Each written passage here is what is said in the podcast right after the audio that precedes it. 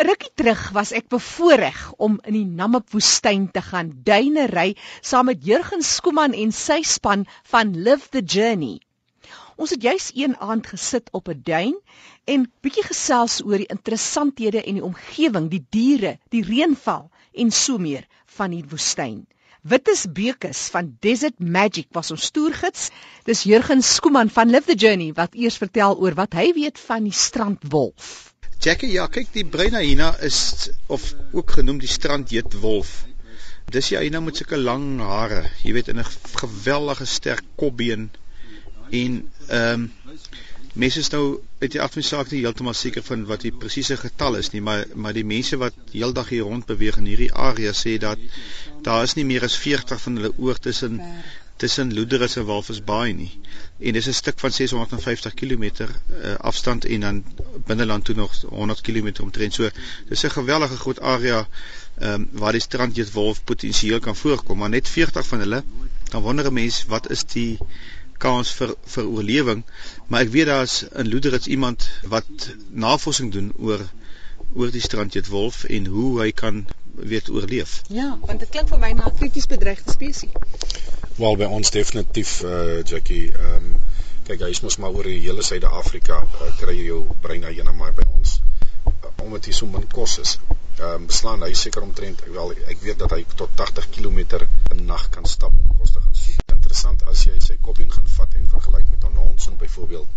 Uh 'n hond het 'n meer 'n ronde tipe kopbeen waar jou brein na hyena of vir die uh, eintlik al die hyena spesies dan nou basies 'n spitskopbeen het wat hom ongelooflik uh, hard maak, maar dit is laat op die plek vir sy uh, kakkebeen spiere uh, hierdie gedeelte van sy kop en want ons weet almal dat tussen die brein hyena en jou gespikkelde hyena is hulle die twee wat ongelooflik sterk kakkebeen het wat geen spokbene kan stik en byt uh, hy vreet hom basies heeltemal op dat daar niks oorbly nie.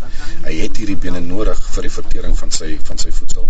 En dan is dit baie maklik as jy byvoorbeeld in die veld stap uh, om 'n hyena spoor uit te ken uh, van 'n jakkals of 'n hond of 'n luiperd of wat ook al. Uh, want hierdie diere se twee voorvoete is omtrent die helfte groter as die agtervoete. Breina hyena oorkruis is hy uh, tussen 7 en 8 cm uh, deursnit. So dis 'n geweldige groot spoor en sy agtervoete is omtrent die helfte kleiner omdat hy seker maar omdat hy hierdie geweldige groot uh, voorlyf het uh, om om dan uh, te kan beklei of sy prooi te kan doodmaak of te kan vreet en uh, natuurlik om hierdie krag te kan insit om om om daai bene te kan breek. Maar ehm um, daar is mos 'n ou storie gewees, die ou boer het mos geglo dat die hyena spesies uh, 'n tweeslagtige dier was. Ehm um, en uh, gelukkig tog het hulle dit verkeerd bewys want dit sal nogal 'n uh, bietjie snaaks gewees het, maar die rede hoekom hulle dit gesê het, ehm um, dat jou die, jou jou vroulike hyena ehm um, het soveel manlike uh, hormone in ehm um, dat sy vals uh, manlike uh, geslagsdele het en dis hoekom die boere geglo het dat hulle uh, tweeslagtig is. Nou, ons praat nou van 'n bedreigde spesies, krities bedreigde spesies. Wat is die bedreigings vir weet is dit die mens? Is dit boere? Wat is dit? Dit is amper wil ek sê loederit se lewensaard, die teerpad. Regtig? Ja, ehm um, weet jy dit is dit is, is ongelooflik hoeveel van hulle uh doodgery word wel. Ons kom ons sê nou argument van alwe 2 jaar, maar 2 jaar beteken by ons 'n uh, ongelooflike groot presentasie van dit wat daar is. Maar die teerpad is een van die grootste probleme. Ehm um, hulle obviously die boere kom hier in die die hyenas beweeg nie werklik in die plase nie. So ek dink nie die die die uh, doodskiet van hyenas of so iets speel enige rol nie. Uh, en dit gaan bloot uh, oor die teerpad en dan moet 'n mens onthou, jy weet jy twee hyenas want jou brein ehm um, is ook maatjies uh, vir lewenslank. Hulle uh, gaan nie in 'n bondel soos jou gespikkelde hyena nie. En uh, as die een maatjie doodgaan, dan moet die ander maatjie in 'n ander territoriale gebied ingaan van ander hyenas om 'n maat te gaan soek. En en en hierdie diere beskerm hulle uh, gebied met met hulle lewe. Hulle sal letterlik beklei tot die dood om hulle gebied te beskerm. Selfs met my en Jurgen Skooman en vertel ons van interessanthede van die omgewing van die woestyn. Ons het nou gepraat van die woestyn en onmiddellik besef ek dat as ek van die woestyn praat en iemand anders hoor, dan sien jy duine en jy het vir ons nog niks vertel van die besondere duine nie. Ons het so 2 dae terug gery en ons het 'n pad gesoek en dit was vir my net opmerklik toe jy vir stoergids kan sê gaan so 200 meter ander kant toe en daaroor kant is so 'n duin wat jy makliker sal oorgaan. Maar hoe dat die manne hierdie duine ken, Jurgens? Dit is ongelooflik. Ehm um, dit is ongelooflik. Vanoggend se paadjie van die see af ook tot hier so was vanaand is Jackie. Hoe die ouens daai pad gevind het om ons daar teer te kry. Dit is dit is getuig in die eerste plek dink ek van van mense wat omgee in die tweede plek tuig dink ek getuig het van mense wat ongelooflike kennis het wat wat presies hierdie naam op ken soos jy die strate van jou dorp ken. Wow. En ehm en daar's min sulke mense, daar's min sulke mense, maar jy weet wat vir my vir wat vir my verstom altyd is as jy mens na die duine kyk is as jy na die kus toe beweeg nê, nee, is daar nie in 'n 360 grade rondom jou 'n teken van 'n bossie of 'n grasie nie. En as jy 'n bietjie nader of uitkom en jy sien die die duine nader aan die binneland, dan is dit grasvlaktes tussen die duine. Ons het net gepraat van die Boesman gras. Jy sien dit baie. Nou wonder ek maar net, hoekom groei die gras nie nader aan die kus nie? Reën neergens, reën, reën, reën. Die ou was vir ons nou vir ons altyd die oorentjies het dit jou kusgebied kry ons maar 1 mm reën per jaar. Ehm um, jou middelwoestyn kry gemiddeld van so 17 mm per jaar alhoewel ek glo dit in die laaste van 2006 soos jy nou net genoem het uh, meer geraak het. Mense moenie vergeet nie, jy sê Weswind is 'n ongelooflike sterk wind as ek jou heersende wind uh, hier by ons. Ehm um, en dan het jy uh, jou bewegende duine, jou sekelduintjies wat in die Loederits omgewing tot 150 meter per jaar loop. So die oomblik wat so 'n duin oor 'n gras byvoorbeeld beweeg, obviously gaan hierdie gras mos nou vryk en jy het jou duinbelt van om by 20 tot 30 uh, km breed uh wat daai bewegende stroke uh, kan ek maar sê uh amperlik sê weghou dat die gras daar kan groei omdat hierdie uh duine beweeg. En die enigste rede hoekom ons ons noem dit sommer die deurmekaar renne, wel ek persoonlik noem dit deurmekaar renne want hulle hulle sorf lineêr lineêre duine maar hulle dit is asof hulle nie 'n regte orde het nie. Mm -hmm. Maar natuurlik hoe verder jy binneland toe beweeg en die koue lug en die warm lug nou begin meng en die een styg op en die ander een gaan onderin, dan verbreek hierdie uh duin duine en dan kry jy meer strate, 'n uh, vaste tipe duin, hulle lineêre duin. En dan kom jy ook 'n bietjie meer in die reënvalgebied en en as jy 2006 se reën vat wat oor 140 mm was vir een week, ek meen dis chaos in die woestyn. Maar uh, ja, dit was die wegspringblok geweest en elke jaar het ons 'n 30, 40 mm reën gehad van daai tyd af. En dit het maar een op die ander ene en en en en het gemaak dat hierdie plek so mooi groen is daar. Vertel ons bietjie meer oor duine self. Daar's byvoorbeeld die interessantheid wat jy opgemerk het Jurgens terwyl ons so gery het, hoe dat ons vir die eerste paar dae net hierdie pragtige rooi bruin oranje duine gesien het en dan nader aan die strand het hulle weer 'n witter kleur.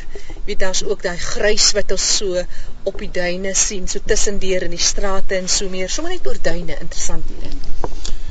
Seker die meeste of die grootste interessante ding vir my van hierdie duine is en uh, ons moet seker net die Suid-Afrikaners vir julle mense sê baie dankie vir julle sand want dit kom eintlik van die Noord-Kaap af. Ehm um, dit het vroeër jare was daar twee riviere wel hulle bestaan vandag nog maar hulle loop nie meer die Alp en die Millepo rivier uh wat sand afgevoer het na die Oranje rivier toe wat dan dit weer vat aan die see toe en die see wat dit dan nou weer vir ons terugbring land toe. En ehm um, terwyl hierdie ehm um, wat dis eintlik maar 'n kwartskorreltjie nuus wat ons dan nou sand noem uh, in die see is, dan vorm daar 'n ysterlaagie om so 'n korreltjie en soos wat hy uitkom, ehm um, as hy dan nou bleek en soos wat hy verouderd in die, in die duine ingaan, soos enige ding by die see roes hy. Uh, letterlik. En hoe verder hy inbeweeg binneland toe, dan hoe rooier word en dis hoekom die duine dan hierdie kant so rooi is. Ehm um, as jy so ry deur die duine dan sien jy ook natuurlik hierdie pragtige rooi uitstaande rooi kolle. En dit is gewone granaat in 'n baie klein vorm natuurlik en dan is daar die swart wat so uh, op die duine se punte lê mm. tussen hakies dit gee vir jou 'n baie goeie aanduiding van waar is die kant van 'n duin. Ehm um, dit is jou ysteroksied. Ehm um, so daar's daar's daar so 90% omtrent van jou uh sand soos ons dit noem is is kwarts. Uh, die res is dan natuurlik minerale. So dis in 'n in 'n mate jy wonder hoe mense duin maklik kan lees. Wel, daar's een van die ou geheimpies om na die swart streepies rond te mm. kyk en dan weet jy min of meer waar se kant en waar se slipwys. Uh nie altyd 100% nie, maar is 'n goeie aanduiding. Die versteende duine wat ons hier sou kry Jackie, dit is ehm um, ons sandsiklus is nie net die ene wat ons vandag voor ons sien nie. Hierdie is maar 'n jong siklus. Hy is maar so omtrent tussen 4 en 5 miljoen jaar oud. Ehm um, die Nama woestyn het deur verskillende fases gegaan en voor hierdie duine was daar ook duine wat op duinsand wat dan op dieselfde manier ingekom het as wat dit vandag gebeur het. En ehm um, hierdie duine het in, gaan lê basies in 'n nat tydperk ingegaan. Ehm um, het basies 'n vaste formasie gevorm en uh, nuwe duine het oorbeweeg en met drukking uh, hitte en al hierdie goed het hierdie basies uh, gefossiliseerde duine geraak. Hulle het versteend geraak. Uh, ons het nou so 'n klein bietjie daarvan gesien hier hoor op uh, sien daar aan die kant uh, soos ons vlei gaan daar by Namaprand. Daar lê massive groot duine van hierdie uh, versteende duine. Dit's actually nog 'n baie mooi gesig om om om hierdie duine te gaan besigtig. Hy is vandag wel lyk ek meer na klip as na sand, maar hulle sê dit is sand. So ons aanvaar ook maar dit sal sand wees. Wat is ons sit nou in spergebied nommer 2 as ek reg is. Nou spergebied is is vir my mooi naam. Dit klink ons asof 'n mens nie daar mag kom nie. Mm. Maar dan is daar ook 'n spergebied nommer 1. Ehm um, is beteken dit dat 'n spergebied nommer 1 uh, mense het gewone publiek nog nie toegelaat mag word nie en dat daar nog in ander woorde diamante ontgin word en dat spergebied nommer 2 uh eh, die konsessiegebiede is waar julle ouens mense mag invat en die ander ding wat ek oor wonder uh is oor die diamante van die Namib is hier nog diamante word dit nog ontgin en um en vertel ons 'n bietjie van die diamantgeskiedenis van die Namib woestyn Jurgens ja die mense het mos waar was dit in 1909 het ou ou ou ou Zacharias Letwala die eerste ou klein klippie opgetel by Kratsplatse. Ehm um, nou ja, daar was 'n uh, Duitse Jood wat daai jare daarso uh, basies uh, die werk wat hulle gehad het was om die treinspoor skoon te hou, Augustau. En ehm um, toe hierdie Zacharias hierdie klippie na uh, sy kom ons noem dit dan nou wat hulle daai jare gesê het, sy baas toe geneem. En die het geweet dis 'n diamant, het dit onmiddellik besef. Nou daar stories dat Sigrias het vroeër by Kimberley gewerk. Dis nooit werklik bewys maar dit is mos nou nie van die punt nie. Diamante by ons ehm um, oor die algemeen is 'n spoeldiamante. Dit kom weer eens ook maar met die Oranje rivier af. En omdat dit deur so 'n groot siklus beweeg, uh is dit 'n ongelooflike skoon en suiwer diamant. Al jou swak diamante uh, word met hierdie deur die klippe soos wat dit afkom natuurlik maar stuk en gebreek die branders en so voort. Soos 'n baie baie hoë kwaliteit een van die beste in die wêreld. En ehm um, ja, ek verlang is geglo die hele Namib was vol diamante en dit was so verkeerd. Ehm um, ons het nie Kimberley pipe wat ons uh, diamante voer nie. Dit gaan maar alles oor die spoel diamant. En ehm um, die meeste gebiedens as jy dink aan plekke soos Pomona, ehm um, eintlik Fairy Tale Valley. Sorry dat ek nou die Engelse gebruik, maar dit klink altyd vir my mooier want Agostau het gesê ehm um, hulle noem die plek Mergentale uh wat beteken dan natuurlik nou Fairy Tale Valley. Uh want die mense sal nie glo dat hulle in die maan lig soos wat ons nou vanaand hierdie mooi volmaan het wat 'n diamant sy helder skitterheid ons nou uitbring. Loop letterlik sonder om 'n graaf te gebruik en diamante te loop en optel. Daai jaar is natuurlik verby. Ek meen uh Kolmanskop daar uit ontstaan uh, Pomona Boggenveld al daai plekke maar die plekke is uitgemyn sodra jy deur gegaan het tot op jou rotslag onder dan is daar nie meer diamante nie so vandag uh jy het nog uh, drie aktiewe myne wat uh, Tennessee myn hulle lê ook maar groot gedeeltes van die seebodem droog dan myn hulle dan nou daar dit is maar waar ons meeste diamante vandaan afkom en dan natuurlik van die bote af wat uh met hulle pype die bodems leegsuig maar oop diamante vir ek en jy hier rondstap en 'n diamant optel. Nee wat. Die stem daarvan Wittes Bekus, hy is 'n woestyntoergids van Desert Magic. Dit was ook Jurgen Skooman van Live the Journey wat saamgesels het en is hulle wat hierdie ekotourisme deur die woestyn moontlik maak. Gaan maak 'n draai op hulle webtuiste by www.livethejourney.co.za.